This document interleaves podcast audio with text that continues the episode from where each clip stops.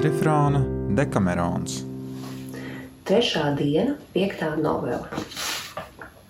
Cīma uzdāvina Mesaram Frančisko Verģelēzi savu jājam zirgu un par to dabū atļauju parunāt ar šā sievu, un kad tā klusē, viņš atbild tās vietā, un pēc tam viss notiek saskaņā ar viņu atbildi.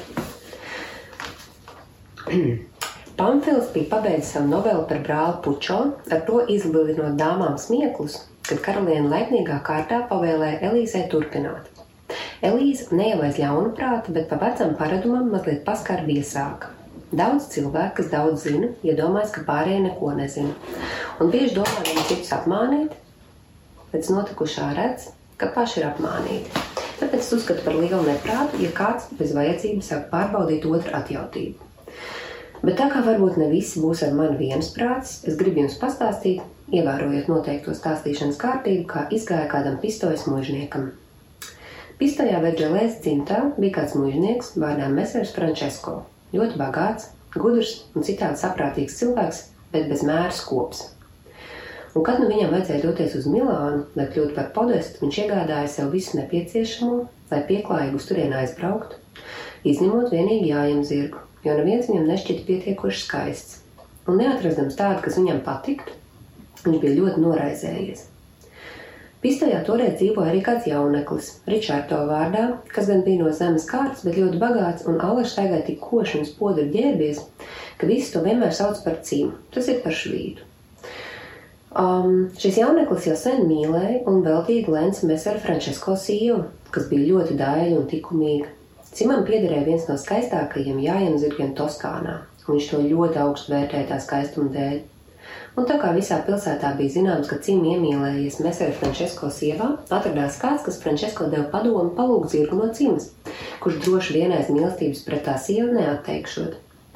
Mesers Frančisko skopuma pamudināts lika pasaukt Cimu un lūdzu pārdot viņam savu zirgu, cerādams, ka Cima viņam to piesolīs kā dāvanu. To dzirdēdams, Cīna kļuva priecīgs un atbildēja: Mēsar, ja jūs man dotu visu, kas jums pasaulē pieder, jūs nevarētu pirkšanas ceļā iegūt manu zirgu. Bet kā dāvanu gan jūs to varētu dabūt, ja jūs būtu mierā ar šādu nosacījumu? Ka es pirms tam, pirms jūs saņemat zirgu, varētu ar jūsu atļauju un jūsu klātbūtnē parunāt dažus vārdus ar jūsu sievu, tik tālu prom no citiem, lai neviens man nedzirdētu, izņemot viņu. Skopuma dzīts un cerēdams piekrāpt cimu, bruņinieks atbildēja, ka esot ar mieru, ja cima tā vēloties. Un atstājis viņu savas pilsētas sālē, pats devās uz sievas istabu un izstāstījis tai, cik viegli iespējams iegūt zirgu, pavēlēja, lai tā nākot uzklausīt cimu, bet, lai piesargoties, atbildēt kaut vienu vārdu, vienalga, ko viņš tai sacītu. Dāma šādu rīcību ļoti nosodīja, Bet tā kā viņai pieklājās paklausīt vīra gribai, apsolīja visu izdarīt un pēc tam sekoja savam vīram zālē, lai uzklausītu, ko cima viņai gribētu teikt.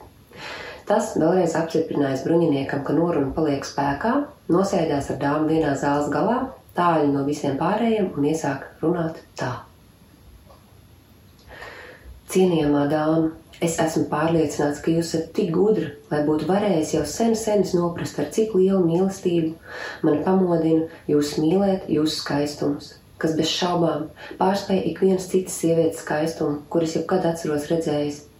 Es nepieminu jūsu nevainojamās parašas un izcilos tīkumus, kādi jums piemīt, un kas spēj sabaldzināt jebkuru vīriešu cēlo garu.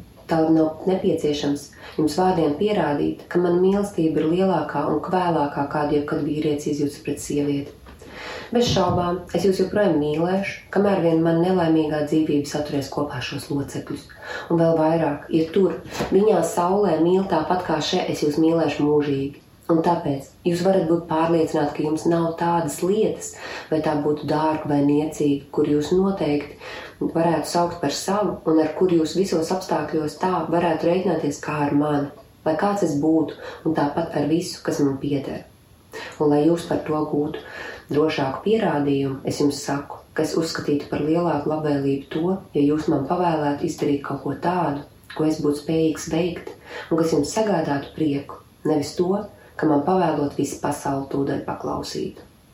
Tātad, ja es esmu tādā mērā jūsu, kā jūs dzirdat, es ne bez iemesla uzdrīkstos vērsties ar savām lūgšanām pie jūsu augstības, kuru vienīgā un neviens cits man var dot mieru. visu manu labklājību un manu lab, labvēlību un veselību, un kā jūs vispazemīgākais kalps, es jūs lūdzu, mana visa dārgā. Jūs, vienīgā cerība manai dvēselē, kas pārtiek tikai no mīlestības liesmām, cerot uz jums, es lūdzu, lai jūsu labvēlība būtu tik liela, un jūsu bargums, ko jūs līdz šim man izrādījāt, tā atmaigtu, ka es, kas pieder vienīgi jums, jūsu žēlsirdības veldzēts, varētu teikt, ka gluži tāpat kā jūsu skaistums iededzināja manī mīlestību, jūsu žēlsirdību, man atdeva dzīvību, kur bez šaubām izdzisīs, un es nomiršu, un jūs varēsiet saukt par manu slepkavu, ja jūsu lepnais gars nepadosies manām lūgšanām. Nerunāsim par to, ka mana nāve jums nesagādātu godu. Man pat šķiet, ka dažreiz sirdsapziņas mokās jūs nožēlot, esat tā rīkojasies, un reizēm labākā noskaņojumā būdam jūs pie sevis teikt, ai, Cik slikti es darīju, neiežēlodamās par savu cīmu. Bet šai nožēlai vairs nebūtu vietas, un tā kļūtu par iemeslu vēl lielākām bēdām. Un tāpēc, lai tas nenotiktu, tagad, kamēr jūs vēl varat man palīdzēt, apžēlojieties par mani, pirms es mirstu, jo vienīgi jūsu spēkos ir padarīt mani par vislaimīgāko vai arī dzen par visnelaimīgāko cilvēku pasaulē. Es ceru, ka jūsu laipnība būs tik liela un jūs nepieļausiet, lai es par tādu un tik lielu mīlestību kā atlīdzību saņemtu nāvi, bet ar priecīgu un labvēlīgu atbildi nomierināsiet manu garu, kas pavisam izbijies trīc jūsu skatienu priekšā. Te apklusis, nobiedinājis dažas asars un ceļš nopūties, viņš gaidīja, ko dišciltīgā dāma atbildēs dāmu, kuru nevarēja aizkustināt ne daudzie uzmanības pierādījumi, ne ieroču spēles, ne rīta serenādes, ne cits, kas tam līdzīgs, ko cīm viņu mīlēdams uzsāka, aizkustināja kaislīgā mīlētāja dedzīgie vārdi, un viņš sāk izjust to, un viņi sāk izjust to, ko nekad agrāk nebija izjutusi, un raugi, viņi noģiet, kas ir mīlestība. Un, lai gan viņi, pateicoties un paklausot savu vīru, pavēlē klusēja, kamēr viņas aizturētās nopūtas nevarēja noslēpt to, ko viņa drīkstētu atbildēt, labprāt būtu darījusi zinām cimam. Cīma mazliet nogaidījis un redzēdams, ka nekāda atbilde neseko, izbrīnījās, bet tad sākās kārs, cik viltīgi brīvnieks rīkojies. Taču, kad viņš ielūkojās dāmas sejā un redzēja, ka tās acis nevienreiz vieniem ir skatieniem sastopoties, turklāt pamanīja nopūtas, kurām tā neļāva ar pilnu spēku izlausties no krūtīm, cīma pārņēma kādu labu cerību. Un tā stiprināts, viņš nolēma izmēģināt ko jaunu un sāk dāmas vietā tai klausoties, pats sev atbildēt tā. Mans cīma, bez šaubām es jau sen pamanīju, cik stipri un patiesi tu man mīli, un tagad no taviem vārdiem es vēl vairāk pārliecinājos par to, un tāpēc esmu priecīga, kādai man arī jābūt. Tomēr, ja es tev esmu izlikusies cietsirdīgi un nežēlīgi, es negribu, lai tu domā, ka es tāda esmu, bijusi sirds dziļumos, kā tas varbūt varēja likties pēc manas sejas, gluži otrādi. Es vienmēr esmu tevi mīlējis, un tu man esi bijis dārgāks par jebkuru citu, bet man vajadzēja tā izturēties gan bailēs no vīra, gan arī, lai saglabātu savu likumības slavu. Taču tagad tuvojas laiks, kad es tev varēšu skaidri parādīt, vai tev mīlu un atlīdzināt tavu mīlestību, ko tu pret mani izjūti, un vēl ar vienu izjūti. Tāpēc apmierinies un paliec labās cerībās, jo mēs ar Frančisko pēc dažām dienām jādodas uz Milānu par podestu, Kā to zini tu, kas man mīlēdams uzdāvināja viņam savu skaisto jājam zirgu? Un tikko viņš būs aizceļojis, es tev noteikti apsolu pie sava goda un patiesās mīlestības, ar kādu es tevi mīlu, ka pēc nedaudz dienām tu būsi pie manis, un mēs savai mīlestībai atradīsim pilnīgu un tīkamu piepildījumu. Un, lai man nevajadzētu vēlreiz par to runāt, es jau tagad tev pasaku, ka tajā dienā, kad tu redzēsi divus dvieļus izkārtas manas istabas logā, kas vērs uz mūsu dārzu, kad vakars satumsīs, nāc pie manas dārza vārtiņiem un labi piesargies, lai neviens tā nepamana. Un es tevi jau gaidīšu, un mēs visu nakti gūsim viens no otra prieku un baudu, kā mēs to vēlamies. Kad cimta dāmas vietā tā bija runājis, viņš sāk atkal runāt, kā viņš pats un sacīja. Visu dārgā Donna, pārlieku lielais prieks par jūsu labvēlīgo atbildi tā sasaistīs manu spēku, ka es tikko varu atrast vārdus, lai pateiktu jums pienācīgu pateicību. Bet, ja es arī būtu spējīgs runāt, kā es to vēlos, tad nav tik ilga laika sprīža, kurā es pilnīgi pagūtu jums pateikties, kā es to gribētu un kā man pienāktos. Tāpēc jums atliek klusās pārdomās uzminēt to, ko es, lai gan vēlos, vārdos nevaru pateikt. Vienīgi tik daudz es jums gribu pateikt, ka jūsu pavēli es esmu apņēmies izpildīt visādā ziņā. Tad varbūt mazliet nomierinājies par neizsakām lielo dāvanu, ar kādu jūs man apbalvojat, es pūlēšos jums pateikties, cik vien būs manos spēkos. Pašreiz man nav nekas vairāk ko teikt, un tāpēc man visu dārgā dona, lai Dievs jums piešķir to prieku un to laimi, ko jūs visvairāk vēlaties, un lai tas kungs jūs pasarga. Dāmas to visu nebilda ne vārdu. Tāpēc cīņa piecēlās un gāja bruņinieku puses, kurš redzēdams, ka viņš piecēlies, devās viņam pretim un smiedamies sacīja: Kā tev liekas, vai es turēju savu solījumu? Nē, mans kungs, atbildēja cīņa. Jūs man apsolījāt ļaut parunāties ar savu sievu, bet likāt man runāt ar marmora statuju. Šie vārdi bruņiniekam ļoti patika, un viņš, lai gan jau tā bija labās domās par savu sievu, no šā brīža sāk domāt par to vēl labāk un sacīja: Tagad man pieder jājam zirgs, kas līdz šim bija tavs. Uz to acīm atbildēja: Protams, mēs ar.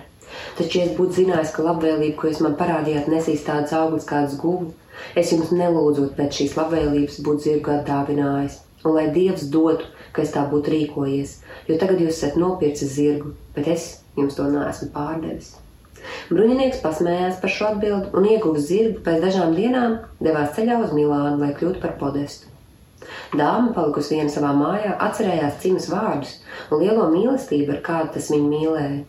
Jāiemo zirgu, ko tas aiz pateicības un mīlestības pret viņu bija atdāvinājis, un redzēdam to itin bieži staigājumu gar savu māju, iesaka nopietni: Ko es daru? Kāpēc es zaudēju savu jaunību? Mans vīrs aizbrauks uz Milānu un neatgriezīsies ātrāk par sešiem mēnešiem. Kad viņš man tos kādreiz atlīdzinās? Varbūt tad, kad es būšu veca? Un turklāt, kur es atradīšu tādu, kas man mīlēs tā kā cīma? Es esmu viena, un man ne no viena nav jābaidās. Es nezinu, kāpēc gan man nepavadīt jautru laiku, tas ir iespējams. Nevienmēr man būs tāda vārda kā pašreiz. Neviens to nekad neuzinās. Un, ja tas tomēr kļūs zināms, tad labāk vienmēr nožēlot izdarīto, nekā atturēties un nožēlot nedarīto. Un tā pie sevis visu pārspriedus, viņa kādā dienā iekārta dvieļus, divus dvieļus dārza logā, kā cimds bija teicis. Tos ieraudzījis cimds kļuva ļoti priecīgs, un līdz ko satums, slepeni gluži viens devās uz mājas, uz dāmas dārza vārtiņiem un atrada tos vaļā. No šejienes viņš nokļuva līdz otrai ieejai, kas veda mājās, un durvīs sastapa izsūtīgo dāmu, kur viņa jau gaidīja. Dona redzēdama viņu pienākam, piecēlās, devās viņu pretī, saņēma viņu ar vislielāko prieku, un viņš apskāva to tūkstošu reizes kūpstītams sekotāju augšā pakāpieniem. Tur bez kavēšanās viņa apgūlās, lai iepazītu mīlestības pēdējās robežas. Un, lai gan tā bija pirmā reize, tā tomēr nepalika pēdējā, jo kamēr bruņinieks atradās Milānā, un arī pēc viņa pārbraukšanas, Cim atgriezās pie mīļotās Donas vēl daudzas reizes par ļoti lielu prieku kā vienam, tā otram. Paldies! Mani sauc Marta Elīna Martinsona, es esmu kino un teātra režisora. Pieņemu šim projektam, jo man ļoti patīk kvadrifrons, un šajā laikā es ārstēju gudrības sobu, rakstu, lasu grāmatas un ceru uz brīnumu.